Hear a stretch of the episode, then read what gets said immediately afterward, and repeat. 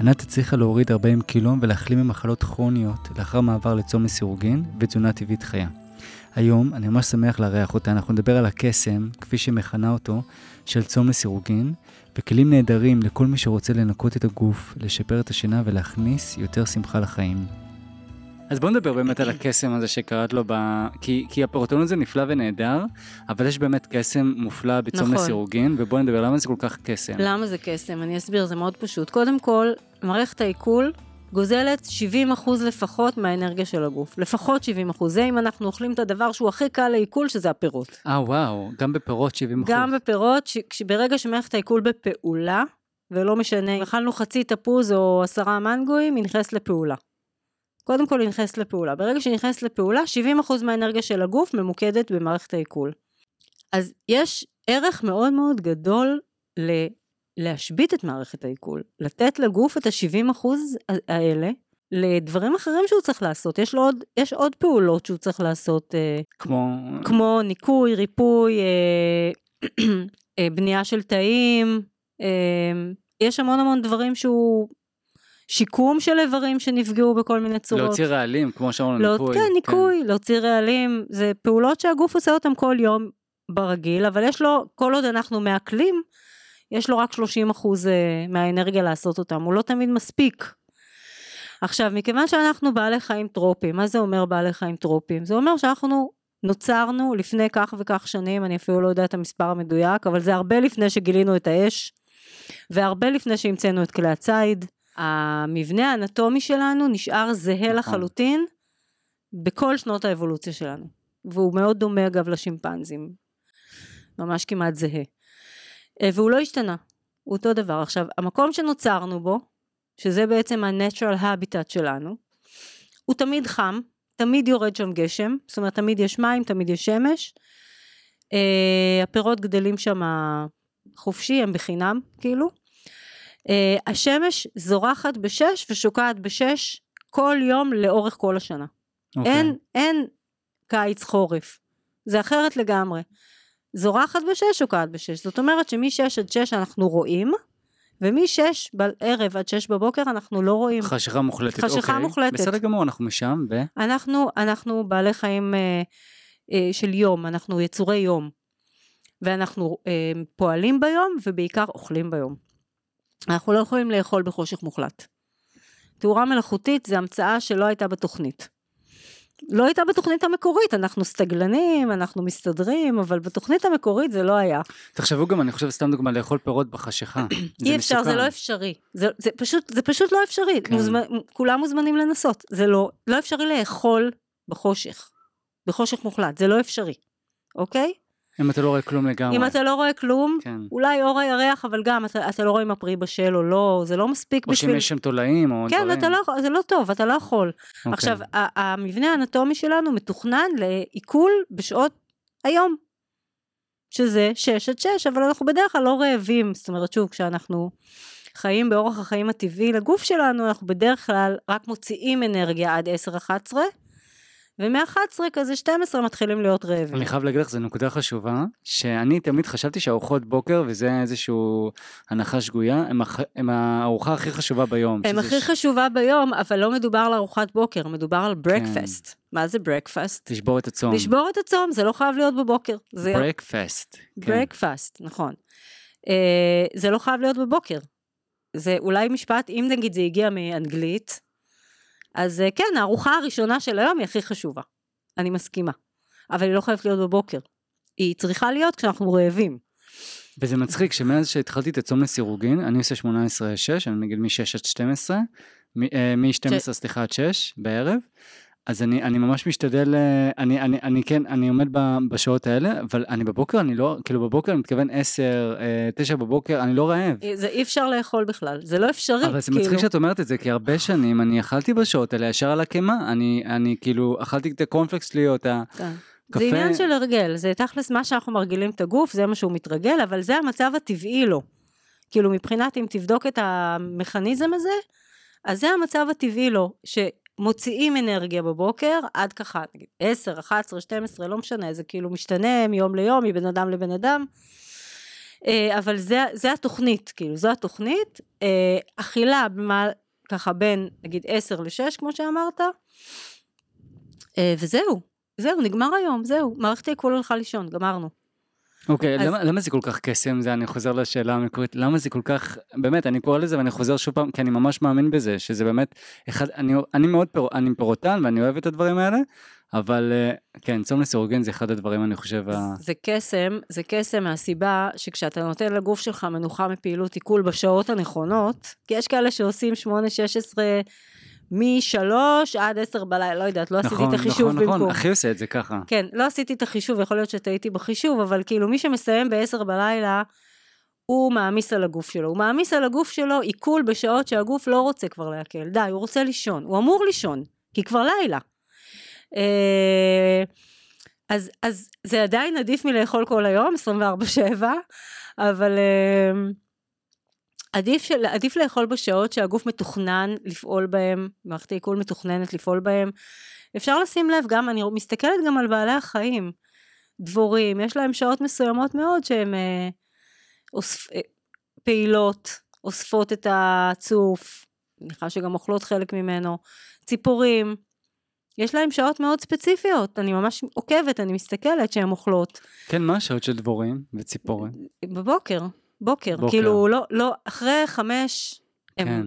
הם מסיימות, כאילו הם לא... וואי, זה ממש מצחיק מה שאת אומרת, כי אני, אני רואה פה יונים מדי פעם, ובערב אין, אין יונים, הם הם לא רק אוכלות בבוקר מחפשות נכון, כאילו, לא, נכון. כאילו בסביבות החמש וזה, אין, אין כבר, נכון, אבל זה נכון, ממש כי מצחיק. הם גם יצורות יום.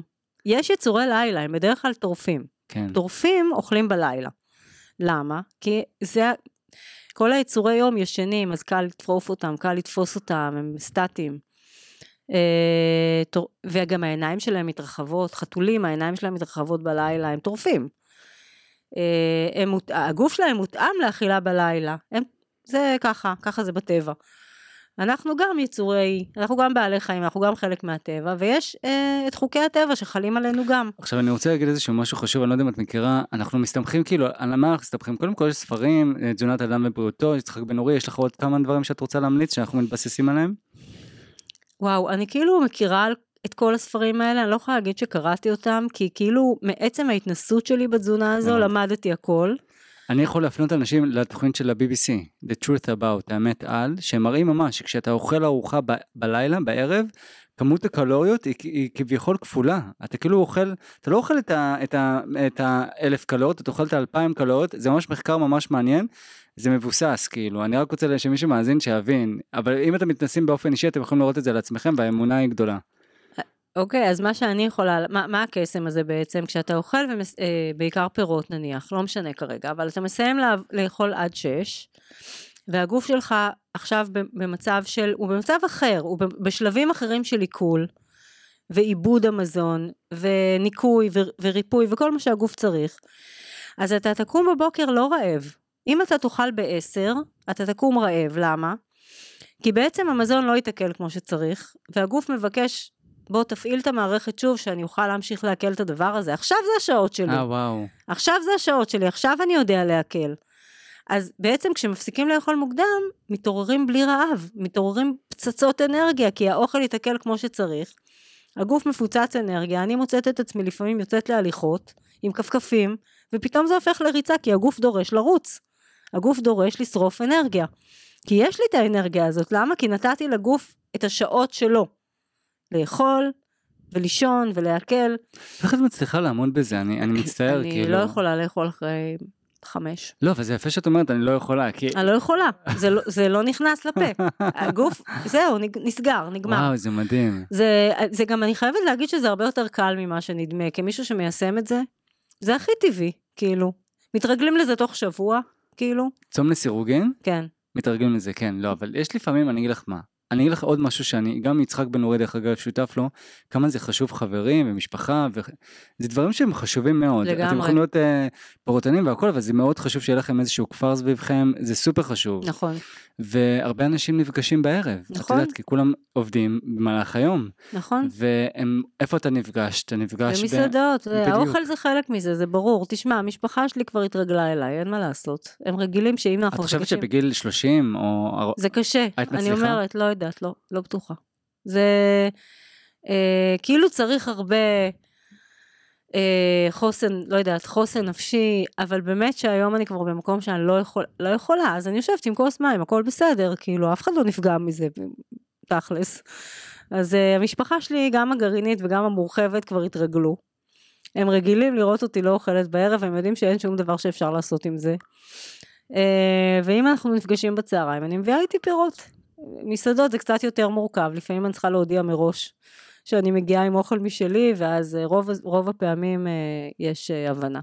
באמת? אבל, המסעדות כבר, אבל? כבר קרה שגם לא הייתה הבנה. מה זאת אומרת, את מביאה את הפירות שלך ואת אוכלת אותם שם במסעדה? כן. ואת מזמינה משהו? לא. וואו, והם והם יכולה מסכימים? להזמין מים מינרליים. כן, שיהיה. זהו, אז דרך אגב, כמה שזה מצחיק, וזה זה יצחיק בטוח כמה אנשים, אבל אני למשל מזמין לפעמים תה. פשוט איזשהו תה או משהו כזה, אה, אלננה או משהו כזה, זה וואי, תלוי נשמע באיזה מסעדה אתה כאילו- יושב גם, יש מסעדות, אם אני הולכת עם המשפחה שלי למסעדה שהיא מסעדה, שלא מזמינים בשתייה, מזמינים באוכל. אה,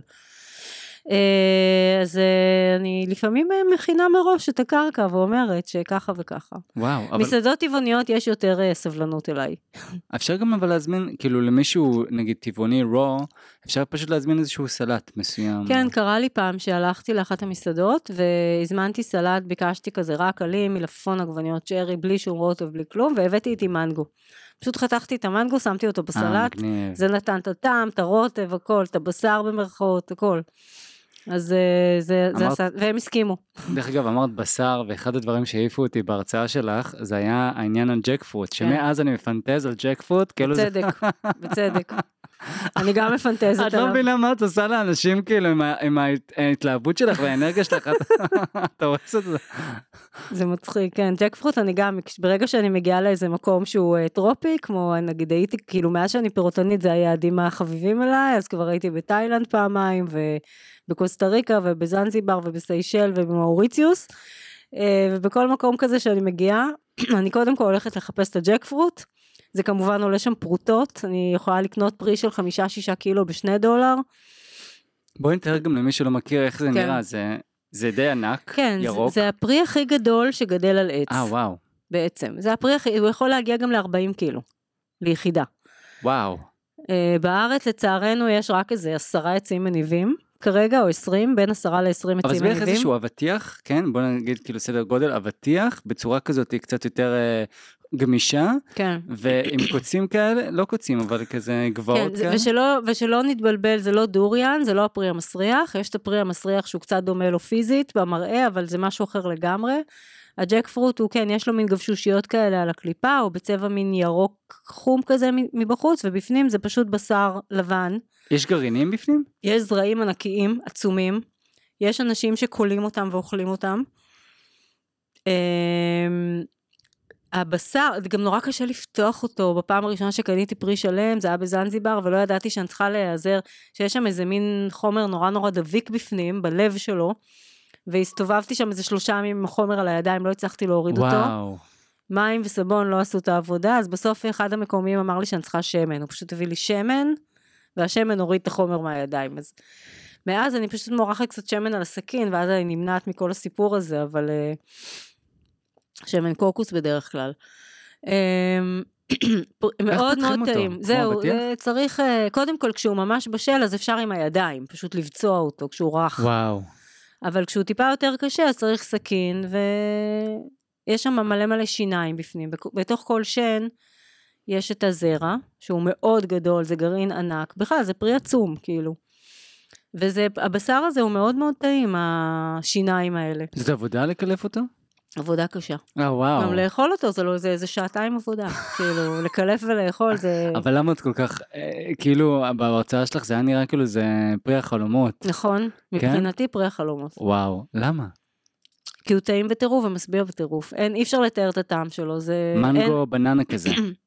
לא? זה משהו אחר, לא יודעת. כל פרי זה משהו אחר, כל פרי יש לו את הטעם שלו, זה, זה מטורף הקטע עם הפירות, אנחנו, זה, נכ- זה כאילו נשמע משעמם לאכול רק פירות, אבל באמת יש מעל אלפיים סוגים, אני בדקתי את זה, מעל אלפיים סוגים, זה המזון הכי מגוון, של פירות שאכילים, טעימים לבני אדם כמו שהם, את יודעת, אני אומר לאנשים שאני לא מאמין שיש מזון יותר טעים מפירות, כי אני אוכל אותם בשלים, למשל אבטיח שהוא כן. בעונה, ואנשים מסתכלים עליי כאילו נפלתי מהירח. נכון, כי זה גם פירות, אה, כל עוד התחלנו את היום עם משהו אחר, לא בא לנו עליהם יותר. כאילו, הם, הם טעימים לנו רק שזה, שזה הדבר הראשון שנכנס לגוף.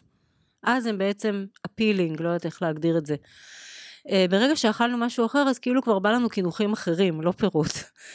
וכי זה באמת לא מתעכל טוב, זה לא מתעכל טוב אחרי אוכל אחר, זה מתעכל טוב על בטן ריקה או אחרי פירות, כי פירות מתעכלים תוך רבע שעה. בין רבע שעה לחצי שעה, תלוי בפרי. אז אה, כן, זה הגיוני. אני רוצה להגיד לך עוד משהו לגבי הצום לסירוגין, בוא נחזור לזה שנייה. אני, אני, הדבר אחד הגדול, עוד לפני שהייתי טבעוני רו, הדבר אחד הגדול, הגדול, אחד הדברים הגדולים שקרו לי, זה ירידה במשקל. לאלה שרוצים לרדת במשקל, אה, צום לסירוגין זה, זה, זה, זה ממש מהיר, כאילו. נכון. אני, ברגע שהתחלתי ליישם צום לסירוגין, שזה היה לפני שש שנים, ירדתי 20 קילו בשנה. הסיבה שירדתי וואי, 20 זה קילו. בשנה, כן. היא בגלל שהדבר הזה בעצם נתן לבלוטה שלי להשתקם, בלוטת התריס. מסתבר שבלוטת התריס, אה, כשאוכלים אחרי שעות האכילה, זאת אומרת, אחרי שש נניח, זה מתיש אותה. מתיש אותה, היא לא, לך עכשיו תתחיל להפעיל שוב את מערכת העיכול, מערכת העיכול הלכה לישון, מספיק, הבנתי. נגמר היום, כאילו. ולאכול, אה, אצל מי שיש לו בלוטת תריס רגישה, כמוני, שזה כבר מגיל 14, כאילו, אז האכילה אחרי שש התישה את הבלוטה. ברגע שהתחלתי להפסיק לאכול מוקדם, הבלוטה השתקמה. וכל חילוף החומרים בגוף השתקם. והוביל לירידה של 20 קילו במשקל, ולשיקום של בלוטת התריס, אל- עד כדי כך שיכולתי להפסיק לקחת כדורים שלקחתי 21 שנה. אה, כדורים של בלוטת התריס זה ידוע שזה לכל החיים. תשאל כל רופא, כל אנדוקרינולוג, זה לכל החיים, אי אפשר להיפטר מזה. ובכל זאת בזכות תזונה פירוטנית ובשילוב צומות לסירוגין, או אני קוראת לזה הערכת צום הלילה, זה יפה שאת משנה את השם, כי צום לסירוגין זה שם, גר... כן. זה שם לא טוב. יש, יש מילים מצמצמות, כמו צום, כן. ממש מילה מצמצמת, ויש הערכה, שזה מילה מרחיבה. אז אני משתמשת בהערכת צום הלילה. אבל את עדיין יש את הצום הזה. טוב, נו, אז הערכת, כן. לא יודעת, הפסק- הפסקה. הפסקת האכילה, לא יודעת, כן. כן, אנחנו לא אוכלים בלילה, אנחנו לא... מנוחה, אוכלים- מנוחה לגוף, מנוחה לגוף. הערכת מנוחה מעיכול. אה, אני מכירה מישהי שמגדירה את זה כחופש חופש מאכילה. חופש מאכילה זה אחלה הגדרה, אחלה הגדרה. כן. אה, אז אה, כן, אז זה פשוט נתן לגוף שלי את ההזדמנות לשקם את עצמו, לשקם את הבלוטה, להחזיר אותה לתפקוד, הפסקתי עם הכדורים לגמרי, זה גם היה תהליך שלקח אה, איזה חמש שנים סך הכל. אה, ות- ותוצר לוואי של זה, זה היה ירידה במשקל, 20 קילו בשנה. סך הכל ירדתי 40 קילו, תחילת התהליך שלי, אה וואו. אבל הייתי צריכה, עכשיו אני כאילו במשקל קבוע כבר, לא יודעת, שש שנים, שש זה שנים. מעניין, כשאתה אוכל את האוכל הטבעוני רו והצום הסירוגין, הגוף כאילו לא לא ממשיך לרדת במשקל, הוא נשאר באיזשהו כן, הוא נשאר משקל במשקל זה. שלו, כן, הוא נשאר במשקל שהוא אמור להיות בו, כאילו.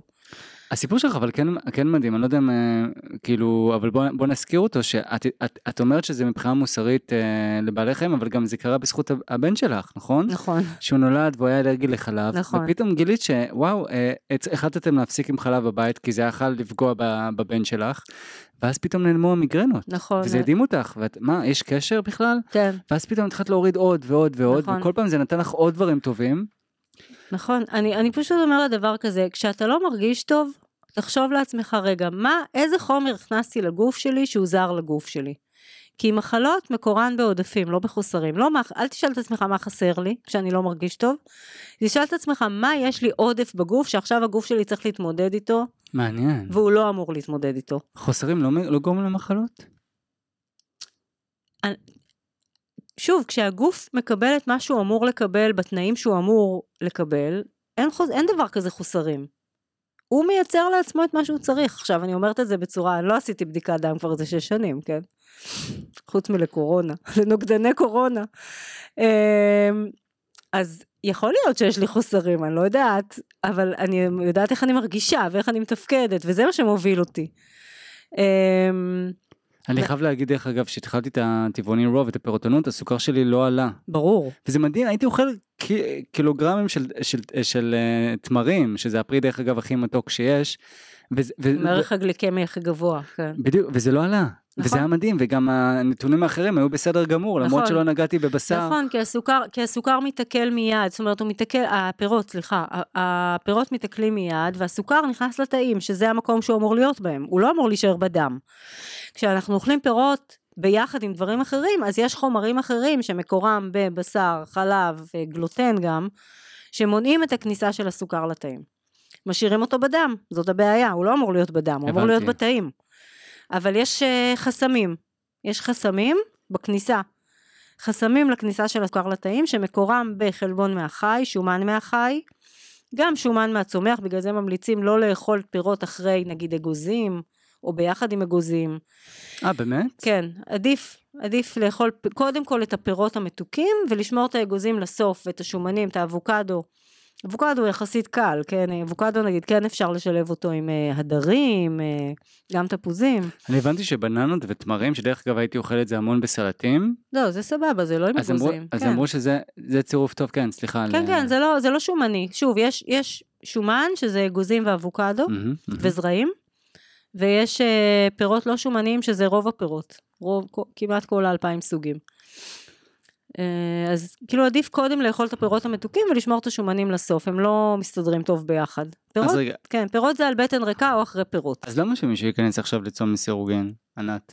דיברנו על כמה הוא דברים. רוצה, אם הוא רוצה לישון כמו אבן, או שזה אחד אבן. הדברים החשובים שאת אומרת איך שכחתי מזה אבל כן אני לא מאמין תודה שהזכרת את זה ואת אומרת את זה גם בהרצאה שלך תמשיכי כן אז באמת, למה בעצם, למה בעצם התחל, כאילו, למה אחרי שהתחלתי עם, עם הערכת צום הלילה, אה, למה דבקתי בזה? מה הייתה הסיבה העיקרית? כי פשוט שמתי לב שבלילות האלה, שאחרי שהפסקתי לאכול מוקדם, ישנתי כמו אבן. מה זה כמו אבן? אל תספרו לאף אחד, אבל אתם יכולים לשלוח אליי כמה פורצים, ו- ואני כנראה לא אתעורר. זה כמו, אני, אני עברתי כבר אה, הרדמות מלאות בחיי בכל מיני ניתוחים. זה כמו הרדמה מלאה של ניתוח, זה וואו. כאילו נחבא, זהו, המוח נחבא, ואני מתעוררת בבוקר ולא זוכרת שום דבר ממה שהיה. יכול להיות שחלמתי, אין לי מושג, לא זוכרת כלום. אה וואו ברמה הזאת. והתמכרתי לזה, זה ממכר, לישון טוב זה ממכר, במיוחד שעד אז היו לי הפרעות שינה מטורפות ולילות טרופים וחלומות, ותשמעו, אכילה אחרי שש, זה כל כך משפיע על המוח, זה כל כך משפיע על הכימיה של הגוף באופן כללי, לרעה, שאין לתאר בכלל, כאילו זה מי שיש לו בעיות שינה, מי שיש לו לילות טרופים, חלומות, אה, הזיות, סיוטים, אני לא יודעת מה בלילות, חייב לנסות את זה. חייב. לא זה אחד הדברים הכי גדולים שאני שמי שמאזין אני רוצה שיצא איתו כי זה אני ממש שותף לטענה הזאתי כי את יודעת אתה קם לשירותים לפעמים ויש יש רגעים שאני אני לא בדיוק בשש ואני נגיד עם חברים וכאלה אז, אז אני מבין ותמיד אני סובל. אני תמיד סובל אז זאת אומרת שאם אני אוכל אחרי שש בערב אני אוכל משהו הגוף קו באמצע הלילה הוא צריך להשתין הוא צריך זה. הגוף לא- עסוק בעיכול, הוא פשוט עסוק בעיכול. בדיוק. הוא לא, הוא, לא יש, הוא לא יכול לישון. וואי, באמת, זה אחד הטיפים הגדולים, אם אתם רוצים באמת לש- לשפר את השינה שלכם, ושינה היא כל כך חשובה, אנחנו יודעים למצבי רוח, לבריאות, גופנית, הכל, אז uh, תעשו טובה ותעשו צום לסורגין, כן. ממש, לגמרי. Uh, הגוף, הוא, יש לו את השלבים של העיכול. העיכול מרגע שהתחלנו לאכול ועד שסיימנו את שלב, את תהליך העיכול, זה משהו כמו 12 שעות. אז ככל שמושכים את זה יותר, ככה זה נמשך יותר זמן. אז כאילו, ויש כל מיני שלבים, יש מעי דק, יש מעי גס. כל, כל איבר עובד בזמן שלו. אבל מה תגידי למשפחות שלמות שאוכלות היום בשמונה בערב, בתשע מה בערב זה עם הילדים? משפחות שלמות? זה 99.99% מהאנושות, כאילו, מה... וואו, אז מה, מה עושה, אני חושב, כל מי שאני מכיר, חושך משפחות- מוחלט, להחשיך, לסגור את השלטר. זהו, ולאכול מוקדם כולם יותר. הולכים לישון. ולאכול זהו. מוקדם יותר. לא, הם ישנים מוקדם, אבל הם אוכלים מאוחר. הם אוכלים, ב... יש, את יודעת, יש את המקלחת, ואז יש את, גם אני משער אצלכם זה היה ככה, מקלחת, אוכל והולכים לישון. אז דווקא אצל ילדים זה סבבה, ילדים שמקפידים איתם על הלוח זמנים הזה, זה סבבה, אני לא יכולה להגיד שאני עושה את זה עם הילדים ש... מה זה עושה? הילדים שלי כבר גדולים, אבל אה, הם אוכלים מתי שהם רוצים, מה שהם רוצים. אמ, מה שהם רוצים, באמת. מה שהם רוצים, ברור, הם טבעונים אה, כבר שמונה שנים. אבל אם הם לא. טבעונים, ובא להם לאכול משהו אחר, הם אוכלים מה שהם רוצים. אני, אני, אני ממלאה את הבית באופציות טובות, אבל הם בוחרים מה, מה לקחת מזה ומה לא לקחת מזה, ואם בא להם להזמין טייק אווי, אז הם יזמינו טייק אווי מה שהם רוצים. אבל מהטבעונות הם לא חורגים, למרות שקשה להם, אני חייבת לדבר על זה. קשה להם כי הם יחידים בכל המסגרות שלהם. עדיין, הם, גם הם היום? גם היום, הם היחידים. בית ספר יסודי לא היה אפילו בן אדם אחד טבעוני. איזה מוזר, בהוד השרון? אה, בהוד השרון, כן. בית ספר, בחטיבת ביניים גם אולי צמחוני אחד, צמחונית אחת או שתיים. אבל למה זה מרגיש לי שכל העולם כאילו הפך להיות... אה, לא. לא, הם, הם ממש מבודדים בקטע הזה, וזה לא מפריע אוי. להם, כי הם לא מקנאים בחברים שלהם, הם אפילו קצת מרחמים, סליחה שאני אומרת, כי הם חושבים, ובצדק, שהחברים לא מבינים מה הם אוכלים, לא באמת מבינים מה הם אוכלים, כאילו אם הם היו צריכים בעצמם אה, להרוג את בעל החיים, הם לעולם לא היו אוכלים אותו. אה, אז הם, אין להם בעיה עם זה, אבל זה גם, זה התמודדות לא פשוטה, כאילו, אה, והם עומדים בה יפה מאוד. הם לא, הם לא נראה כרגע שהם אה, בכיוון של לחרוג מזה, כאילו, לא- הם באמת לא רואים בבעלי חיים אוכל, בשום צורה. למה התשוקה שלך כל כך גדולה לבעלי חיים? כאילו זה... אני כי גם... נורא מאוד- כואב לי הלב עליהם, כואב. הם מאוד סובלים, את, מאוד. את, את נכנסת לרפתות, למפעלים? אני לא מסוגלת בכלל להיכנס כן. לזה, אני לא יכולה לראות את זה אפילו בפייסבוק, אז כאילו, הסיבה, ה... הסיבה שנתנה, שהנחיתה לי את המכה על הראש והעבירה אותי לטבעונות בשנייה, זה כשהבנתי לפני עשר וחצי שנים, שהבנתי שמפרידים עגל מאמו אחרי הלידה. זה פשוט שבר לי את הלב. שבר לי. למה מפרידים אותו? כי החלב הוא כאילו לא שלו, הוא שלנו. הוא לא יכול, הוא לא יכול, לא, הוא לא רק שהוא לא יכול ליהנות מהחלב שלו, הוא לא יכול להיות עם אימא שלו בכלל. לקחו אותו, שמו אותו אני באיזה מרחם על. האימא, הוא, הוא לא מודע. אני, מרחם, אני מרחמת על שניהם, אבל בעיקר על האימא, בתור אימא בעצמי, בתור אימא שילדה בניתוח קיסרי, שלושה ניתוחים קיסריים, אבל בפעם הראשונה זה היה, לקחו לי אותו, לקחו לי אותו, ולמרות שהייתי אחרי 48 שעות ללא שינה, של ניסיונות ללידה שהסתיימו בניתוח קיסרי, של 48 שעות, אוי, הייתי 48 שעות, עבר, הייתי אחרי 48 שעות מאוד מאוד קשות, עייפות קיצונית, לקחו לי אותו ללילה. וכל הלילה בכיתי והתחננתי שיחזירו לי אותו ולא הסכימו, כי לא יכולתי לקום, הייתי אחרי ניתוח. אה, לא הסכימו. וזה פשוט טראומה. טראומה. עכשיו ידעתי שהוא יגיע אליי בבוקר, כן? זה לא להבדיל אלף הבדלות מהפרה. ידעתי שהוא יגיע אליי בבוקר ועדיין לא יכולתי להירגע וביקשתי והתחננתי וקראתי לאחיות וזה לא עזר. זה טראומה. ואני יודעת איך זה מרגיש. ו- ושוב, להבדיל אלף הבדלות. אז אה, כשברגע שהבנתי שלוקחים לה את התינוק אחרי הלידה, באותו רגע עברתי לטבעונות. זה, זה לקח שנייה. ואז גם הבנתי שזה ספציפית לתעשיית החלב זה ככה, אבל זה נכון לכל התעשיות, זה נכון לתעשיית הביצים, שהיא גם מזעזעת. בכלל, כל, ביצים וחלב, זה כזה משפט לצמחונים שבינינו. ביצים וחלב זה מוצרים שפוגעים בנקבות. קודם כל בנקבות. זה מאוד, אה, מעניין. זה מאוד שוביניסטי בעיניים שלי להיות צמחוני, הם פוגעים בפרות ובתרנגולות, נקבות. אה, והסבל של הנקבות בתעשיית המזון מן החי הוא הרבה יותר ארוך ומתמשך וקשה מהסבל של הזכרים. הכל זוועה, מאלף ועד תף. כל התעשייה הזאת זוועה גיהנום. גיהנום עלי אדמות. אבל גברים סובלים פחות זמן. כאילו, זכרים. איזה לא נקודה. מעניינת, לא ידעתי את זה. זכרים סובלים פחות זמן. זאת אומרת, אם זה נגיד... אה, רגע, אפרוחים זרחים, אפרוחים זרחים, הורגים אותם ישר. נכון, אפ- אפרוחים בתעשיית הביצים, בואו נפריד בין התעשיות. תעשיית הביצים ממיינים, כמובן הם במדגרות, כמובן אף אימא לא דוגרת עליהם, כן? הם במדגרות עם מנורת חימום. אז ברגע שהם בוקעים, ממיינים זכרים ונקבות, הזכרים הולכים לבלנדר, יואו. והנקבות לכלוב. עכשיו, עדיף להיות זכר, כי מה זה הכלוב? זה שנתיים וחצי נכון, נכון. של אי יכולת תזוזה. אי יכולת תזוזה. תחשוב, ת, תדמיין לעצמך מה זה. דף A4, נכון? זה הגודל שלהם בגודל שלה, של A4. הגודל של התרנגולת, כן. היא לא יכולה לפרוס כנפיים, כאילו, שלא לדבר על ללכת, או... היא בכלוב, בגודל של הגוף שלה, היא לא יכולה לזוז שנתיים וחצי, בלי אור, שמש, בלי אוכל, מה קורה אחרי שנתיים וחצי? מחשמלים אותם, למה? כי התפוקה של הביצים יורדת. עכשיו, גם ההטלה היא מאוד כואבת, כי אה, הן לא, הם, הם מהונדסות גנטית ככה שהן יוכלו להטיל כל יום ביצה, אבל הן לא אמורות להטיל ביצה כל יום, הן אמורות להטיל ביצה פעם בשבועיים, אני יודעת, משהו כזה. זה כואב להם, תשימו לב שאתם נמצאים ליד לול תרנגולות, בבוקר הן בוכות, זה בכי הקרקורים האלה. או וואו. תקשיבו, זה בכי. הקרקורי בוקר האלה זה בכי כי הן מטילות את הביצה וזה כואב להם.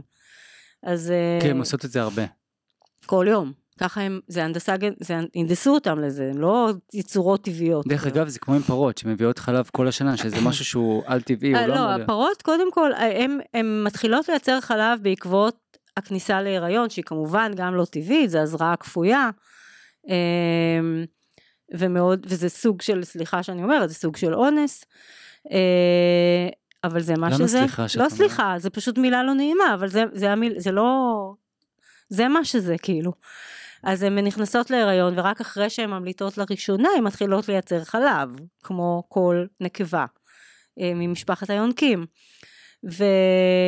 ואז הן אה, בעצם נחלבות יותר ממה שהן אמורות להעניק את העגל, ואז זה מגדיל להם את תפוקת החלב. בעצם אה, פרות מסתובבות עם עטינים במשקל, אה, לא יודעת, 20-30 קילו, במקום 8 קילו שזה אמור להיות, או אני מקווה שאני לא טועה במספרים. בכל מקרה, העטינים שלהם גדולים פי 4-5 ממה שהם אמורים להיות. אמ, ואז בעצם אה, כעבור שלושה חודשים הן כבר מוזרעות שוב. זאת אומרת, הן מייצרות סטייקים, נקרא לזה ככה. מייצרות עגלים לתעשיית הבשר, או עגלות לתעשיית החלב, תוך כדי שהן גם נחלבות. זאת אומרת, חולבים אותן כשהן בהיריון. לא, זה מזעזע. ככה עד גיל עשר נניח, אפילו לא, הגזמתי. בין חמש לשבע, ואז הן נשחטות, ואז הן נחשבות בשר סוג ב', כי הן כבר זקנות ומשומשות במרכאות. אני יודע, אני אגיד לך מה, אבל הרבה אנשים שאוכלים ביצים עכשיו ושותים חלב, קשה להם לשמוע את הדברים האלה, הם, הם כאילו ישר עוברים, אפילו סרטים והכל, הם לא, הם לא מסוגלים. אנשים נכון. כאילו, אנשים הרבה, אני, אני, אני אומר את זה גם, אני אומר את זה גם כמישהו שנולד עם חלב ועם ביצים ועם כל האוכל גם הזה. אני, מה, כולם. בדיוק, אז, אז, אז מישהו בא אליך ואומר לך את הדברים האלה, אתה ישר כזה, רגע, רגע, זה, זה, זה מה שאני אוכל כל זה היום. הלחם והחמאה שלי, כאילו מה אתה. לוקח לי, מה אתה כן, לוקח לי ועכשיו את תגיד? לי מה להאכיל את הילדים, זה גם ככה אני לא קשה אגיד, והכל. אני לא אומרת שום דבר, אני מציגה את המציאות, ושכל אחד יעשה עם המציאות. זה מה שהוא אני רוצה. מסכים למציאות, אבל אני, אני, אני אומר עוד משהו. אתם יודעים מה? עזבו את הבעלי חיים שזה נוראי, אני חושב שזו התעשייה הכי נוראית, ואני לא מאמין. אני, אבל שזה זה- עדיין קיים, אבל זה הזיה, משלמים- הזיה, לא. אבל אנשים משלמים על זה, אנשים, ש... אנשים שאוכלים מוצרים מהחי, ואני הם לא מאמין בזה מבינים. בלב שלם, כאילו, אנשים שאוכלים מוצרים מהחי, ויודעים את זה היום מחקרית, אני ממליץ בחום על הספר מחקר סין, ספר מעולה, שאתם תראו בעצמכם כמה שחלבונים ומזון מן החי, באמת פוגע, סרטן, אה, סק... כל המחלות הנוראיות, בנו, בבני אדם, אנחנו לא טורפים. בבני אדם. אנחנו לא טורפים, אם היינו טורפים זה לא היה פוגע בנו כל כך. אבל כאילו- גם הבשר שהטורפים אוכלים זה לא הבשר שאנחנו נכון, אוכלים. ברור, ברור. אבל אז מה? אז זה בסדר, כאילו, אנשים צריכים לסבול, כנראה, זה המורה הרוחני שלהם, סבל, אם זה מחלה או משהו אחר, בשביל לעשות את השיפט הזה, ולעשות את השינוי. דרך אגב, אני חושב שגם אני, אני סבלתי דרך אגב, אני. אני אגיד לך לגבי, קודם כל תמיד נמנעתי מבשר, אבל המשפחה שלי, בכלל, כשהייתי ילד, בשר, ברור, חלבון, אתה חייב, וואו, כמה זה חשוב, ביצים, ועדיין עד היום דרך אגב, ואני, ואני יודע, אני, אני כאילו, אבל לא משנה, אז מה, מה אני אומר בקטע הזה, מה רציתי להגיד? שעדיין יש הרבה, יש הרבה אנשים שמאמינים בזה, הם, אבל הסבל, הסבל הוא מורה רוחני מעולה. עכשיו, אני, אני, אני אספר לך את הסיפור, כשאני ראיינתי אותך בפעם האחרונה, אני הייתי באיזושהי תקופת uh, משבר uh, מסוימת, ואחד הדברים הגדולים שאת אמרת לי, בכלל המעבר לטבעונות רוע וכל זה, זה שזה עושה הרגשה טובה, שזה אחד הדברים הכי גדולים שאת לוקחת מזה. וזה היה משהו שהיה מאוד חשוב לי לנסות, כי הייתי במצב קצת יותר אה, מאתגר, והייתי חייב איזשהו, אה, חיפשתי פתרונות, ולא מצאתי פתרונות, לא בתרופות, לא בדברים אחרים, ו, ובאמת, ובאמת יש איזשהו אושר מסוים, ואני חייב להגיד, לאכול פרי, יש, יש איזשהו אושר מסוים שמתלווה לזה. אני רוצה לשמוע אותך, אבל אני רק אגיד איזשהו משהו חשוב, שאני חושב שאני אני ממש כנה. יש גם משהו שהוא, שהוא קצת מאתגר בקטע של אה, פירוטנות או טבעונות רוע, שברגע שאתה אוכל אוכל שהוא מאוד קל לעיכול, אין, אין את העמעום הזה. אין, כאילו כל רגש, שאם אתה רגיש כמוני, שאני רגיש, אז אתה מרגיש אותו. אתה לא יכול עכשיו לאכול המבורגר וצ'יפסים, ואז אתה כזה, פתאום כזה רדום כזה, ואתה לא כל כך חושב, אתה מדחיק את הדברים האלה. בדיאטה שהיא טבעונית רוע ופירוטנות, כל רגש, למרות שאת לא נראית ככה, אני מעניין אותי לדעת אם את מרגישה... שכן, לא, הכל עצב. מתחדד, הכל מתחדד, כל הגוף חד, המוח חד, הרגשות חדים, הכל מאוד חד, כמו שזה צריך להיות. אה, ואני אגיד יותר מזה, בטבעונות, קודם כל ברגע שאתה מפסיק לאכול בשר, יש המון באכילת הבשר, מהאנרגיות שיש בו בבשר הזה, זה הרי סבל מ-day one, מהבטן עוד הם סובלים. כשהם עוד בבטן הם סובלים. זה סבל רצוף מ-day one עד רגע המוות, שגואל אותם מחיי הסבל שלהם, והדבר הזה מורגש. האנרגיה הזאת של, ה, אה, של הסבל וה... הגיהנום הזה שהם עוברים, זה, זה נמצא שם, כאילו אנשים שאוכלים בשר זה משפיע עליהם. אני חושבת שצריך לעשות ניסוי בבתי כלא. להתחיל משני טבעוני. באמת. להתחיל משני טבעוני. להתקד... להתחיל ממה? מש... יש את הדבר הזה שנקרא מיטלס מנדיי. מיטלס מנדיי, סליחה זה לא טבעוני, זה מיטלס מנדיי נקרא אוקיי, לזה. אוקיי. יום שני ללא בשר. להתחיל ממיטלס מנדיי בבתי כלא. ואולי להתקדם לעוד מיטלס אחד, ונסדיי או משהו. אוקיי. Okay. ולראות איך זה משפיע על רמת האלימות, על רמת האלימות גם המילולית וגם הפיזית, זה משפיע. בשר, יש אנשים שהוא משפיע עליהם על, על, ועושה אותם אלימים, יש אנשים שזה עושה אותם מדוכדכים. זה תלוי אם אתה אישיות אה, תוקפנית או... הבנתי. או לא. זה תלוי במלא מלא דברים. אבל זה משפיע. אז יש, אז קודם כל יש את המעבר של הטבעונות שהוא כבר עושה חסד עם כולם, פשוט גם נפשית. והפירוטנות זה פשוט עוד דרגה, זה עוד דרגה, זה ממש לא להעמיס על הגוף כלום, זה לתת לו רק את מה שהוא אמור לעכל. זה... אני חייב להגיד, אנחנו מדברים כבר על, על מחקרים, או בוא נעשה ניסויים והכל, יש מחקר, ושוב פעם אני מפנה לספר מחקר סין, שזה מעולה, אני רק אספר, באו לסין וראו שכפרים שלמים, כפרים שלמים אין להם בעיות של סכרת, מחלות, סרטנים, אין כמעט את הדברים האלה. ובכפרים עשירים דווקא, בסין, יש את כל המחלות הנוראיות מהמערב. והבן אדם, שדרך אגב, שכתב את הספר, טמבל, אני לא זוכר את השם הפרטי, אבל הוא באמת בן לחקלאים, לחוואים, בקר, כל החיים שלו היה אוכל בשר, הוא מאמין בזה, והוא היה בהלם, והם עשו מחקר מאוד מעניין גם עם חולדות, וראו שחולדות שאכלו 20% חלבון ביום, לעומת חולדות שאכלו 5% חלבון ביום, אלה עם ה-20% היה 100%, 100%, שאין דברים כאלה במחקרים, 100% הם חלו בסרטן. אותן חולדות שאכלו... כן, עודף חלבון, הגוף שלנו לא יודע להתמודד עם עודף, עודף חלבון. הוא צריך רק את החלבון שהוא צריך. זהו, עודף, אין לו מה לעשות עם זה, הוא לא אוגר חלבון, הוא לא יודע לפרק יותר ממה שהוא צריך. למה אנשים כל כך כאילו גם בהרצאה שלך דרך אגב איפה החלבון שאלת באיזשהו כי אנשים כל כך ישר מחפשים רגע איפה זה הבי 12 ואיפה החלבון הזה החמוד הזה. הגוף שלנו מייצר הכל לבד הוא רק צריך שלא נפריע לו. באמת רק שלא נפריע לו. זה בגדול כאילו. אני גם מאמין שאת אוכלת באמת אוכל מגוון. נכון. את מקבלת באמת, אני מאמין שאת מקבלת הכל, כאילו. אני גם מאמינה. אני לא בודקת, אבל אני מרגישה ככה. וזה כל כך חשוב, כי הרבה אנשים אומרים לי, אתה יודע מה, אני, אני ברגע שאני אסבול וזה, אז אני אעשה את השינוי, אבל כרגע אני מרגיש ממש טוב. כן, אז אני רגישה מדי, לשמחתי ולצערי. אגב, הבן האמצעי שלי גם כזה. מה זאת אומרת רגישה?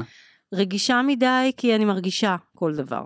אני מרגישה כל דבר. אם אני אכלתי משהו שהוא לא 100%, אני ישר ארגיש את זה. ולכן אני עושה את כל המהלכים שאני עושה. אמ, יש לי בן, גם האמצעי שלי עם האלרגיה לחלב הוא גם רגיש ככה, הוא יודע שלפני דברים שחשובים לו, הוא יאכל רק פירות, כי הוא לא רוצה לבזבז אנרגיה על עייפות, על כבדות, על... לא מתאים לו. בן כמה הוא? 17. לא, זה מדהים, הייתי בטיול בנורבגיה, והיה איזשהו טרק ממש קשוח, וחבר שהוא מטפס מקצועי היה אמור להיות ואני פחדתי שאני אצטרך מאחור כי הבן אדם כאילו מטפס כאילו ממש מהר. ואז החלטתי שיום לפני אני הפירוטן אני אוכל פירות כאילו רק פירות אה, היינו בנורבגיה גם כן מקום שהוא קצת יותר קשוח מאתגר. ו- ולמחרת עשיתי את הצום לסירוגין. הוא אמר לי אחרי שאני פחדתי הוא אמר לי אתה רצת אתה רצת על ההר. כי אני ידעתי, ידעתי את ה... הרגשתי, כאילו אמרתי אני רוצה לבוא הכי מוכן של, וזה טיפ נהדר גם לכל אלה ש... זה, זה פשוט ככה, ככל, זה עובד הפוך ממה שחושבים. ככל שאוכלים יותר נכון, יותר מתאים לגוף, ככה יש יותר אנרגיה. אז כאילו, פירות זה נותן וואי, אנרגיה ולא חשוב. גוזל. נות... זה מה זה חשוב מה שאת אומרת נכון, עכשיו. נכון, אני גם רואה סתם, נגיד אני מתרגלת יוגה כבר המון המון שנים, וכל פעם שהמדריכה נותנת אה, אתגרים קצת יותר אה, קשים, אני כאילו היחידה שעושה אותם, אני ואני הכי זקנה שם. כולם הרבה יותר צעירות ממני. אני רואה, כל, כל, כל, כל פעם שניתנים אתגרים קצת יותר קשים, אז רק אני עושה אותם. ווואלה, רבאק, אני בת 50, כאילו, מה... וכשהייתי בת 30, ובת 40 בחיים לא הייתי בוחרת באתגרים הקשים. אין, לא, הייתי חסרת אנרגיה לחלוטין, כאילו. אמרת שהיית אה, עצלנית, potato couch. פדלה, פדלה. כן, ממש. ממש. לא הצלחתי לעבור שום מבחן כושר כלשהו, הייתי קצינה בצבא, לא הצלחתי לעבור בוחן חלק, קבלת דרגה. נתנו לי עוד הזדמנות, שלחו אותי לסדנה בווינגייט, כלום, לא יכולתי להזיז את עצמי בכלל. כאילו, נתנו לי בסוף את הדרגה מרחמים, כאילו, רחמו עליי. זה מאוד מצחיק, אני כל הזמן ניסיתי לרוץ, ודווקא כשעברתי לפירוטונות, זה והצום לסירוגין, אני חייב לשלב בין השניים. נכון. הייתי קם בבוקר והייתי פתאום רץ ואמרתי לעצמי, מה קרה? כן, דרך אגב, יש פירוטן מאוד מפורסם, שהוא אצן, שהוא סיפר, והוא לא אכפת לו, הוא, הוא רק מעניין אותו התוצאות. זה רעיון מאוד מעניין ב-CNN, למי שרוצה להיכנס ביוטיוב, והוא מספר איך דווקא כשהוא עבר לפירוטנות, אה, וזה ככה, הוא ממש פירוט, פירוטני. מה זה פירוטני? למעשה בן אדם שאוכל אה, רק פירות. רק מה שאפשר לאכול כמו שהוא. כן, אה, ובלי בישולים ובלי כלום. כן. והוא אומר שה, שזה דווקא המהירות, התוצאות שלו השתפרו ברור, משמעותית. כי אנחנו לא מכבידים על הגוף. פשוט נותנים לו אנרגיה ולא גוזלים ממנו אנרגיה בעיכול. אז זה, זה ממש עובד ככה. אגב, גם אריאל רוזנפלד שהרצה בוויגן פסט, שניהל את, ה, את הפאנל של הספורטאים, הוא אולטרה מרתוניסט. הוא פירוטן? הוא לא מאה אחוז פירוטן, אבל בגדול הוא אוכל כזה ארוחה אחת ביום של שעה, של שעה שעתיים, ובעיקר פירות ועלים ירוקים. הוא לא מאה אחוז, הוא כן שותה קפה פה ושם. אני שמעתי שהוא אוכל בייגלה לפעמים. לא, כן, בערב. הוא לא, הוא לא אדוק, הוא לא אדוק, אבל בגדול זאת התזונה שלו. אה, אני אומרת את זה דווקא לחיוב, כן, הוא לא אדוק בקטע חיובי, אני מעריצה אנשים כאלה שיכולים אה, גם לאכול בעיקר ככה, פירות ועלים, וגם... למה את מעריצה אותה? כי אני לא יכולה. אני לא רואה בזה אוכל יותר, לא רואה אוכל. וואו. אני לא רואה אוכל בשום דבר שהוא לא פרי במצבו הגולמי. אני רוצה לשתף משהו מאוד יפה שאמרת לי בפעם הקודמת שממש נשאר איתי.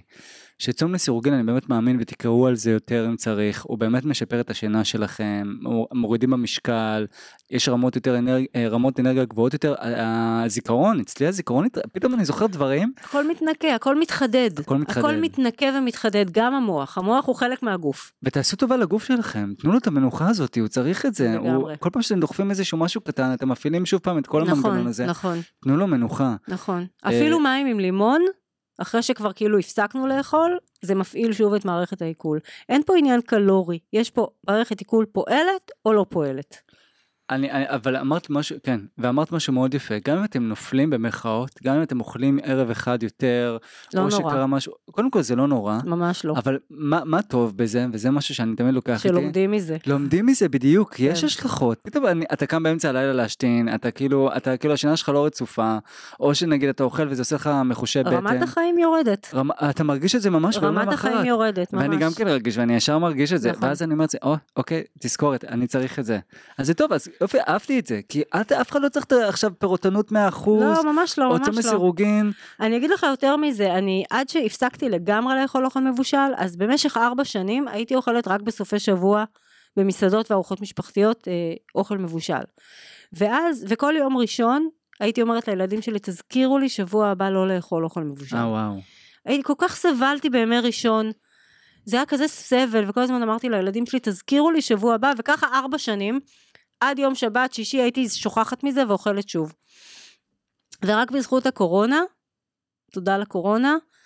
באמת אה, אני שותף לזה גם, אני כן. התחלתי בקורונה שזה היה הכי קל כאילו. זהו, כי אתה לבד, אתה לא, אין בדיוק. מסעדות, אין ארוחות משפחתיות, אתה לא תלוי באף אחד.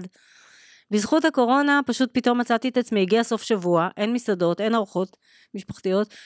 אמרתי לעצמי, מה, אני אבשל לעצמי עכשיו? כאילו, ממש לא, למה להרוג את האוכל? כאילו, יש פה אוכל חי, למה להרוג למה אותו? להרוג את האוכל? וואו, איזה משפט מעניין. למה להרוג את ה... אה, עזוב, כאילו, אני לא מדברת עכשיו על בעלי חיים שהם כבר מגיעים מתים, אבל אה, נגיד נורא, נורא בא לי כרוב כזה ממולא או משהו. אז לקחתי כרוב ועידיתי אותו, וממש עמדתי והסתכלתי וראיתי איך הכרוב החי הזה והחסון והלבן והחזק פתאום הופך למשהו רך כזה וחסר צבע ועלה נידף, וראיתי אותו מת מול העיניים שלי. אוי. ואמרתי לעצמי, "אבל אני לא יכולה להכניס את זה, זה, זה לא אוכל, כאילו, זה מת. לא שאני אוכלת כרוב, אבל היה לי בא כזה כרוב מעודה. ולא הצלחתי, לא הצלחתי לאכול את זה, כאילו, יואו, זה מדהים. אה, ניסיתי, חתכתי איזה חתיכה קטנה, הכנסתי לפה, זה לא בדיוק נבלע לי, אחר כך ניסיתי להוציא, לא הצלחתי. לא, בקיצור. דרך אגב, שמבשלים כרוב מאבדים המון, אני חושב שזה, כמה זה? זה 50, לא יודע, מה, ממש אחוז גבוה. כל יצור חי, צמח או בעל חיים, שעובר חימום מעל 42 מעלות, עובר תהליך בלתי הפיך שנקרא דנטורציה. בעצם המולקולות עוברות אה, דפורמציה בלתי הפיכה. והוא הופך מחי למת. זהו, זה התורה במשפט אחד של ה raw food. אתם מאבדים מינרלים, מאבדים הכל, ויטמינים? הבן, ה, ה, ה, היצור, בין אם זה כרוב, בין אם זה לובסטר, לובסטר, למה אמרתי לובסטר? כי זורקים אותם הרי חיים ל... כן, לס... למים רותחים. אז כל יצור חי, בין אם הוא צמח או בעל חיים, הופך מחי למת בחימום אה, מעל 42 מעלות. חי זה מלא חיים ומת זה מת. כאילו. אוי זה מדהים כמה שאת קשורה לבפנים.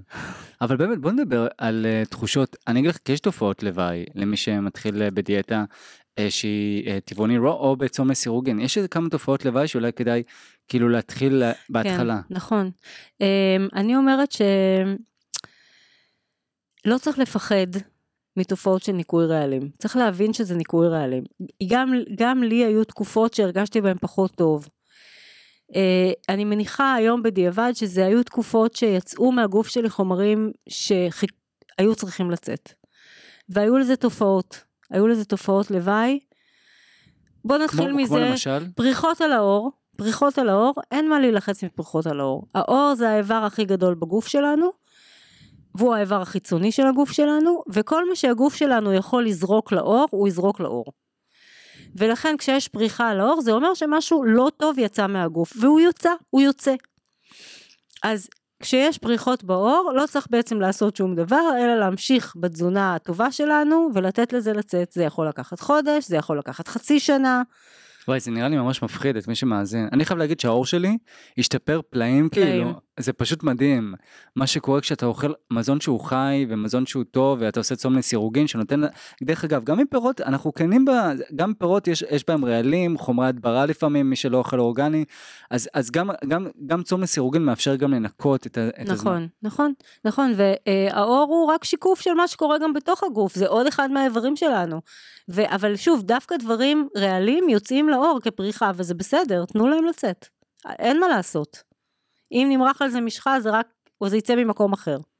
כאילו, זה צריך לצאת, תנו לזה לצאת. כן, ובואו נדבר גם על, אולי על רגשות ועל תחושות, שאני יכול להגיד ממקור ראשון, שכשיש תחושה קשה או איזשהו עצב מסוים, אז uh, צום לסירוגין, ואכילה שהיא לא בלילה, או אכילה שהיא, מבס... שהיא מעמעמת, כאילו אכילה כבדה, במיוחד שאתה אוכל כאילו אוכל חי, אז, אה, אז, אז, אז, אז אתה לומד גם לקבל את הרגשות האלה ואתה לא, לא לומד להדחיק אותם כי הם חוזרים במקומות אחרים אחר כך אם זה במחלות או נכון. בדברים אחרים על העור או נכון זה משפיע על כל הגוף על הרגש על, ה, על ה mind על התודעה על הגוף כמובן הפיזי אה, גם שוב המוח הוא חלק מהגוף המוח הוא מוש, מושפע מכימיקלים, כמו שבן אדם מגיע לפסיכיאטר והוא בדיכאון, ופסיכיאטר רושם לו כדורים, זה כימיקלים. אז הכימיה בגוף היא מאוד מאוד חשובה, היא משפיעה על הכל. לא, זו נקודה חשובה מה שאת אומרת, כי כשאתה אוכל חומרים, ש... אה, תזונה שהיא לא טובה לך, זה עובר בדם, והדם מגיע גם למוח, זה משהו שקראתי... זה משפיע על כל הפיזיות בדיוק. של הגוף, על, על כל האיברים, בלי יוצא מהכלל. אגב, המוח, אה, אמרתי קודם שגם כשאנחנו אוכלים דברים אחרים, הגוף יודע להמיר אותם לחד סוכר, שזה הדבר היחיד שהוא צריך. תאי המוח ניזונים אך ורק מחד סוכר, ולא יודעים להמיר. הם חייבים לקבל את החד סוכר, ולא מעוגות ושוקולדים. זאת אומרת שאם אתה לא אוכל אה, מזון שהוא פירות וירקות? אה, אז, אז לא, בירקות אין סוכר, אבל אני יכולה להעיד על עצמי, כמי שלא אכלה הרבה פירות עד לפני תשע שנים, דיברתי על זה גם בריאיון הקודם, ואני מדברת על זה בכל ההרצאות שלי, שהפכתי מבן אדם פסימי לאופטימי. מה זה? מה זה הדבר הזה? חשבתי שזה האופי שלי, הפסימיות, כאילו. איך נהייתי בן אדם אופטימי? ממה? זה רק כימיה במוח. המוח שלי קיבל את הדבר היחיד שהוא צריך, שזה סוכר של פירות. סוכר שמקורו בפירות. דרך אגב, זאת הסיבה למה עברתי ממש, אחרי ששמעתי אותך כמה פעמים ודיברתי איתך גם בתוכנית, זה מה שגרם לי לשנות הכל, רציתי עוד יותר אופטימיות ושמחה להכניס לחיים וזה שלי. וזה אשכרה, זה עובד, זה אשכרה עובד. אני לא יכולה להגיד שאני כל הזמן בהיי, לא, זה לא המצב, אבל בסך הכל הראייה היא חיובית, וגם כשיש קשיים וגם כשיש, גם כשנתקלים באתגרים נפשיים, חברתיים, אז האופטימיות שבעצם היא כבר מובנית, היא עוזרת להתמודד איתם. זה מה שצריך לקחת בחשבון. את יודעת מה זה מזכיר לי? רעיון מאוד אופטימי. כן, לא, את יודעת מה זה מזכיר לי? הייתי במרוקו, וזה בקיץ, לא הקיץ הזה, קיץ שעבר נראה לי, ואני זוכר שהיה בדיוק את העונה של התאנים. ואת יודעת, אפילו לא, אפילו לא שתפתי אותם, שאני חושב בדיעבד כמה שזה הזוי, לא לשתות, אבל אני אומר לך, אני ישבתי עם עצמי ואכלתי אותם באמצע איזה שוק או משהו, אבל אני לא האמנתי שאני אוכל אותם, לא האמנתי כמה זה טעים, את יודעת, אלה שהם לחים בפנים ועם ה... אני לא... תענוג. אני חשבתי שתמרים זה הפרי אבל, אבל אכלתי אותם טריים, ואני אמרתי לעצמי, אני... אנשים לא מבינים את הרמת עושר, שאתה נותן לגוף שלך את הדברים, ואכלתי קילו, שני קילו נראה לי באותו, ואתה אוכל את זה ואתה לא מאמין בכלל, כמה ש... כמה ש... עונג, עונג. פירות שהם ממקום שהוא ממקור טוב, שהם אה, כן. סביבת גידול טובה ועצים טובים. הגוף שלך מרגיש את זה. מרגישים את זה. ומה את חושבת? מעניין אותי ממש, את מדברת ואני אומר לעצמי, וואי, מה, מה יקרה ענת עוד עשר שנים? מה את חושבת? נגיד עוד עשרים שנה? את חושבת שיש שינוי או שאנחנו נמשיך? קורה שינוי, השינוי הוא מגיע מכיוון של uh, חמלה, קודם כל. זה, זה חייב להיות חמלה. Uh, חמלה לבעלי חיים, כאילו, קודם כל מעבר לטבעונות זה הבסיס, כאילו, זה, זה הבסיס לכל הטוב שיכול לקרות. עכשיו, כשאנחנו עוברים לטבעונות, באמת, אז אם זה שהפסקנו לפגוע בעצמנו, בבעלי החיים ובכדור הארץ, או לפחות מזערנו את הפגיעה בכדור הארץ ובעצמנו, אה, בבעלי החיים ברור הצלנו אותם, כן? אה, אז אה, הגוף שלנו מתנקה באיזושהי מידה. לא משנה אם הטבעונות שלנו בריאה או פחות בריאה, הגוף שלנו מתנקה מהבשר, מה, מהחלב, מכל המוצרים הרעילים האלה, שהם רעילים לא רק פיזית, הם רעילים גם נפשית. אה, ואז הגוף שלנו גם נהיה יותר אה, רגיש. זה תהליך אורגני טבעי שקורה לכל אחד שעובר לטבעונות. Uh, הגוף נהיה יותר רגיש, ואז נהיים קצת רגישים לגלוטן, כי נגיד מכל הדברים שיש בטבעונות, גלוטן הוא הכי פחות ידידותי לגוף, הגלוטן. בכלל, כל מיני מוצרים מעובדים וזה, וסוכר וזה, אבל הגלוטן הוא, מהניסיון שלי ומהידע שלי, יש לו השפעה ממש הרסנית. אז אה, היום... מה, עצירות? מה? אני יודע שעצירות זה אחד גלוטן, גלוטן בעצם כשמו כן הוא גם גלוקוז, שמדובר על סוכר מעובד, כן? מזוקק. זה גלו, גלו, גלו זה דבק, דבק. דבק. הוא נדבק, הוא מדביק את סיסי המעי הדק אחד לשני, סיסי, הסיסים שכאילו אה, משגרים את ה... אנזימים, סליחה. הסיסי המעי הדק שמשגרים את אנזימי העיכול, הם נדבקים אחד לשני, אה, ולא כל כך מצליחים לתפקד. ואז הרבה, הרבה פעמים יש לנו אה, נמוך, ברזל נמוך. אה, הוא ואז, פוגע בספיגה של נכון, ברזל. נכון, זה בעצם פוגע בספיגה של הכל. אה וואו. ואז לא משנה כמה תרד נאכל, כל עוד אכלנו את זה עם לחם, זה לא ייספק כמו שצריך. או שלא משנה, או שאכלנו לחם אתמול או שלשום, לא משנה, זה לא יוצא מהגוף. כאילו גם לי, אני לא נגעתי בגלוטן כבר עשר וחצי שנים, זה עדיין אצלי. וואו, זה, זה דבק רב עוצמה. אז איך מאפים אותו? צום, אה, צום של צום ארוך, צום ארוך, אבל לא אחד. בן אדם כמוני שאכל תזונה מערבית רגילה 40 שנה. אה וואו. אה, הוא צריך, אני חושבת, אם אני מבינה נכון, לא שאני הולכת לנסות את זה, אה, שלושה צומות ארוכים, אחד בכל שנה במשך שלוש שנים. זאת אומרת, מה זה צום ארוך? לפחות 21 יום, צום מים. אה, אני לא שם, אני לא מתכוונת לעשות דבר כזה, אני לא אעמוד בזה. זה לא בשבילי, יש אנשים שכן, אני לא אחת מהם. למה זה, למה שלא תעמדי בזה? אני לא אעמוד בזה. אני לא, לא, לא, את אוהבת מאוד אוכל. אני אוהבת לאכול, אני גם לא יכולה לעצור את החיים שלי, זה לא מתאים לי, כאילו, זה, מי שעושה צום של שלושה שבועות, אה, עוצר את, עושה פוס, עוצר את החיים. עכשיו, אם אתה במצב שאין לך ברירה, שאתה עם סרטן שלב 4 ולא יודעת מה, וכבר שולחים אותך להוספיס, אז זה מה שהייתי עושה. אפילו יותר מ-30, יותר מ-21 יום, הייתי עושה אפילו יותר מ-30 יום, וזה אפשרי אגב, עד שלושה חודשים אפשר. אה, ויש סיפורים מטורפים, אבל זה, זה נושא זה ידוע, ל- כן. לפרק אה, נוסף, כאילו, הצומות הארוכים. כן, ספר נהדר של שלטון אה, על זה. הצום יכול להציל את חייך. כן, מעולה. כן. ויש גם ספר של יצחק בן אורי, הצום כדרך ריפוי. נכון. הצום זה סכין המנתחים של הגוף, הטבעי. הוא, ברגע שאנחנו משביתים לחלוטין את מערכת העיכול, הוא מתחיל בעצם לעכל את כל מה ש... אני מדברת על של... אחרי שלושה ימים, כן? אחרי שלושה ימים של אין אוכל, הגוף מתחיל בעצם לפרק את כל מה שהוא יכול לפרק. הוא, לא- האחרונים שהוא יפרק זה איברים חיוניים. הוא לא יפרק איברים חיוניים. הוא הבנתי. יפרק את כל הרעלים, את כל מה שהוא לא צריך. דרך אגב, אפשר לראות ממש אצל בעלי חיים. אין בעל חיים שכשהוא נפגע או נפצע, נכון. לא צם, כולם נכון, צמים שם, נכון. כולם צמים, ודרך אגב הסרט הטוב מורתי התמנונית, שהתמנון אכל אותו, אכל, כאילו הכריש אכל את אחת מהזרועות שלו, ואז הבחור, אותו בחור שצילם את התמנונית, הביא לה צדפות לאכול, כי היא לא, היא לא אכלה כלום, היא לא רצתה לאכול, היא רצתה לשבת, לתקן את הזרוע שנפגעה. גם תינוקות אגב. תינוקות שהם חולים, אין להם תיאבון, והאימהות דוחפות להם מרק עוף. גם כבוגרים שהיינו חול... עם חום, אמרו לנו תאכל, תרגיש יותר נכון. טוב. זה בדיוק הפוך, כשאנחנו חולים, לתת לגוף לטפל במחלה, לא, לא להעמיס עליו עיכול. כשאתם אוכלים אתם מאכילים את את המחלה. כשאתם אוכלים, אתם, אתם מכבידים על הגוף, ואז הוא לא יכול להתפנות לטפל במחלה. זה אז בעצם רגע, ה... אז ענת, מה יקרה עוד עשר שנים באמת? מה דעתך? זה... יש שינוי? אפשר להביע משאלה, כן. שיהיה עולם טבעוני. זה לא יקרה. זה לא יקרה, אז זה את לא לא יקרה. מאמינה שזה יקרה. קשה לי להאמין, אני טבעונית כבר עשר שנים, ואני חושבת שאנחנו עדיין על אה, בין חמישה לשבעה אחוז. תלמיד אחד בבית ספר, אני לא מאמין, אני, אני כן. חושב שהיום דווקא כולם, לא. חצי, לא. לא. אה, יש גם, יש את תל אביב ויש את מה שמחוץ לתל אביב, זה שני אה, אזורים שונים. אוקיי. דרך אגב, גם בתל אביב זה לא כזה שכיח, עכשיו שאני חושב על זה. נכון. תל אביב יש גן עדן טבעוני מהסיבה שבכל מסעדה יש מיליון אופציות טבעוניות, ולטבעוני מאוד קל להסתדר פה, אה, וגם, ובכלל כל מה שקורה בארץ, הרבה מאוד תודות לוויגן פרנדלי, שחייבים לתת לה את הקרדיט. אה, מאוד קל, דרך אגב, גם ליהדות צריך לתת קרדיט. נכון, אה, כן ולא, כי, כי- יש גם הרבה מנהגים שלא בדיוק מצדדים או מעודדים טבעונות. לא, חד משמעית, אבל למשל הפרווה, אנחנו מובילים בתעשיית הפרווה בעולם, נכון. ואף אחד לא מבין, זה, זה לא קשור למזון מן החי, שזה, שיש בזה איזשהו... לא, יש בזה ביצים. יכולים להיות בזה ביצים. אה, נכון, בפרווה. נכון.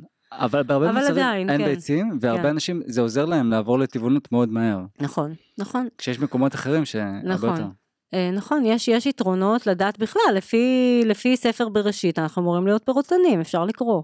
אחרי שאלוהים אה, ברא את האדם, הוא, אה, הוא, הוא כתוב, כאילו, מכל פרי העץ זורע זרע, תאכלו, יהיה לכם לאוכלה. זה מה שהוא ייעד לנו, זה הייתה, זאת הייתה התוכנית. מעניין. אז רגע, אז לפני סיום, ענת היקרה, בואי תגידי לי שאלה שאני שואל את כולם, אם יש לך איזה שהם הרגלים רוחניים, שגרה כזאת בשביל הגוף והנפש, דיברת קצת, קצת על יוגה. כן, בואי- יוגה. מה, מה את עושה? נגיד, את קמה בבוקר, יש לך איזשהו... הרגלים רוחניים אין לי לצערי. גם היוגה אצלי היא פיזית נטו. לא מצליחה... לא, זה יכול להיות גם הרגל פיזי, כן. כן, כן, פיזי. אז אה, יוגה, כשאני מצליחה לתרגל פעמיים בשבוע זה נס. אני ממש, כאילו אני אמורה שלוש פעמים בשבוע, לא תמיד מצליחה, כי אני עובדת קשה מדי. את קמה בעקיצה טבעית? ברור. עם, הז... עם הזריחה, עם הזריחה כן, בשש בבוקר? כן. חמש בבוקר? כן. עם הציפורים. וואו, מקסים. ומתי את הולכת לישון? הייתי רוצה בשבע. בפועל וואו. זה הרבה אחרי. זה מוקדם, 11 שבע. כזה. הייתי, בשבע אני כאילו גמורה, זהו, מתה לישון. אבל כמובן שזה לא קורה, 11 כזה. אוקיי, 11. ואז את קמה בחמש בבוקר, שש בבוקר, ואז מה את עושה? מכינה סנדוויצ'ים לילדים. אוקיי. שייקים, סנדוויצ'ים. כן, אני מתפעלת בית. מה? את שותה שייקים? לא. לא. אני רק אוכלת, אני אה, גם נמנע פירות. משייקים. אני לא מכינה כלום.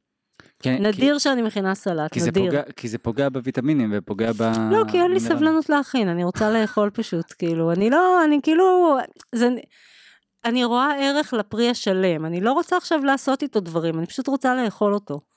כאילו, כמו שהוא, אני גם לא, אני גם אוכלת עם הידיים, מה שלא כל כך מאפשר לי לעשות שום דבר במקביל כשאני אוכלת. אה, את כל- מקבילה לאכול עם הידיים.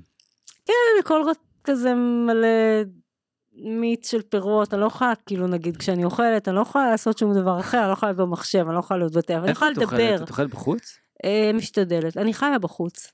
אני מה זאת אומרת חיה בחוץ? אני, אני חיה בחוץ, אני לא יכולה להיות בתוך מבנים. זה, אני, שזה. עוד משהו מאוד אני מעניין. אדריכלית נגד מבנים. לא, זה ממש היה מעניין מה שאמרת כן. בהרצאה, אולי גם נוכל לגעת בזה קצת, כי את אמרת שאנחנו, ואני מאז זה מהדהד לי בראש, עכשיו, כמה שאנחנו עכשיו אנחנו בכלא.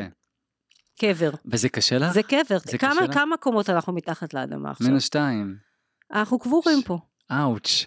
אאוץ'. אני לא מרגיש קבור. לא, אבל זה כי מדהים יש אותי. לך פה, כי יש תנאים למחיה בסיסיים, יש אוויר, יש אור, כאילו... לא, אבל, אבל זה מדהים אותי מה שאמרת, שכמה אבל. אנחנו, כאילו, כי זה לא היה פעם בעבר, אנחנו באמת בתוך, יצרנו לעצמנו במחאות, כן? אל ת... לוקח את המונח שלך, בתי כלא קטנים. זה לא כאלה, זה קברים. אוי, זה קברים, אנחנו. קבורים. ובמיוחד בקורונה זה היה בולט מאוד. אבל גם היום הרבה אנשים נשארים בבניין שלהם, וזה, ובקושי אני- יוצאים. נכון, בתואר הראשון שלי באדריכלות, במפגש הראשון עם ראש בית הספר, דוקטור, אה, הוא היה פרופסור, סליחה, פרופסור אברהם יסקי, זיכרונו לברכה, אה, הוא אמר בגאווה שהמקצוע שלנו מאוד חשוב, כי נחש איזה אחוז מחיינו אנחנו מבלים בתוך מבנים. ככה הוא שאל, נחשו וואו. איזה אחוז מחיינו אנחנו מבלים בתוך 75? כל האנושות. בוא, 70? תעלה, וואי, 85? 90? 90. וואו, זה המון. 90 אחוז מחיינו אנחנו. מבלים בתוך מבנים, ולכן מקצוע האדריכלות הוא כל כך חשוב, נכון. אז מה את מסכימה? מה את עושה? איפה את חיה? איפה, מה את, כאילו? אה, בחוץ, כאילו, יש לי... גינה. גינה. כאילו, יש לי גג. אני כאילו הכשרתי לי כמה חללים בחוץ שאפשר להיות בהם. אני עושה יוגה על הגג. אני יושבת, כאילו, כשאני אוכלת, אני בחוץ תמיד, אין מצב. לא משנה, חום, קור. רק אם יורד עליי גשם, אני למה נכנסת. זה כל כך חשוב לאכול בחוץ? אה, לא, זה לא כזה חשוב, זה חשוב לחיות בחוץ. גם לאכול. וגם- בלי קרם ובכלל, הגנה, אם אתה. אוכל, אם אתה אוכל מעצים, אז ברור שאתה חי בחוץ ואוכל בחוץ, כאילו. שאמרת עכשיו, רוב הזמן את בחוץ. את כן. בחוץ? רגע, בשינה את הולכת למיטה, בת- בתוך הבית? לא, ישנה אני בתוך הבית עדיין. לפעמים לא בא לך לישון כזה מתחת ל- לכוכבים? בא לי, אבל uh, בארץ שלנו זה אפשרי רק בקיץ, ואז אתה גם צריך לדאוג לעצמך להגנות מכל מיני יתושים, ג'וקים, כל מיני דברים שלא נעים להיתקל בהם. אז בינתיים אני רגילה לישון בתוך הבית. אוי, זה מזכיר לי ש... אבל בימים, ש... ב- ב- בשעות הערות אני בדרך כלל בחוץ. זה מזכיר לי שעשיתי את הקורס צלילה, אז אותו מדריך, זה הייתה איזושהי וילה כזאת, הוא פשוט היה ישן על הגג. הוא גם היה מאוד כזה צום לסירוגין, ובריא מאוד, והכל טבעוני, והוא היה ישן תמיד על הגג. כן, על גג בא לי לישון דווקא, מתישהו אני אעשה את זה. בקיץ, בחורף אי אפשר. וואי, שאמרתי את. הקבר, אאוץ', זה קשה. אבל זה נכון, זה זה נכון. נכון. תדע לך שאצלי, כל הבתים שתכננתי וגם אצלי, תמיד יש כזה ויטרינה ענקית והמון המון קשר עם החוץ, ועדיין יש הבדל מאוד מאוד גדול בין לשבת בתוך הבית ליד הוויטרינה לבין לשבת מחוץ לבית ליד הוויטרינה, שזה הבד- הבדל של 60-70 סנטימטר. למה ההבדל כל כך גדול? תנסה ות- ותרגיש את זה. יש, ה- ב- להיות בחוץ זה אחרת. גם מי שיש לו אה, ילדים, יודע בווד... בטוח שהוא זוכר שכשהם היו תינוקות והם היו עצבניים ובוכים ובוכים ובוכים, הדרך להרגיע אותם היא להוציא אותם החוצה. וואי, זה טיפ מעולה, אני לא ידעתי את זה. אז מי שיש לו תינ- ילדים, שהיו פעם תינוקות מן הסתם, יודע את זה. עכשיו מה הקטע? אנחנו אמורים להיות בחוץ. התינוקות דורשים את זה. לאט לאט אנחנו מרגילים אותם. אה, בגלל זה מלא אנשים הולכים כזה עם העגלה בחוץ להרגיע. כן, זה מרגיע, זה מרדים, זה מרגיע, זה מרגיע את התינוק. זה, זה מחזיר אותו למצב שהוא אמור להיות בו פשוט, כאילו. אז את, אומרת כאילו ההרגל הזה גם, הנה אנחנו מדברים על הרגל, להיות בחוץ כמה שיותר, זה עושה לך ממש טוב? אז, כן. אז אני פשוט לא, אני פשוט רע לי בתוך המבנה, כאילו. רע, זה בא לי שיהיה לי נעים, אז אני יוצאת החוצה. מה עוד עושה לך נעים? אמ, שמש. שמש. שמש. היום אני במצב שאני מר- מרגישה שהשמש מזינה אותי יותר מהפירות. יותר. כאילו, אתמול נגיד הייתי בים, ופשוט התמסרתי לשמש איזה ארבע שעות. וואי, זה הרבה. זה היה נעים בטירוף. הרגשתי שזה פשוט שאני ניזונה, הזנה. אין לי מילה אחרת חוץ מהזנה מקרני השמש.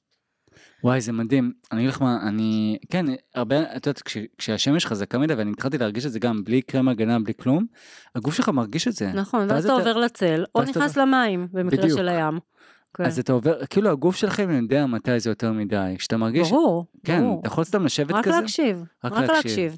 כן, וזה נשמע שאת ממש מקשיבה כן, לגוף אני שלך. מקשיבה. יותר מדי קצת.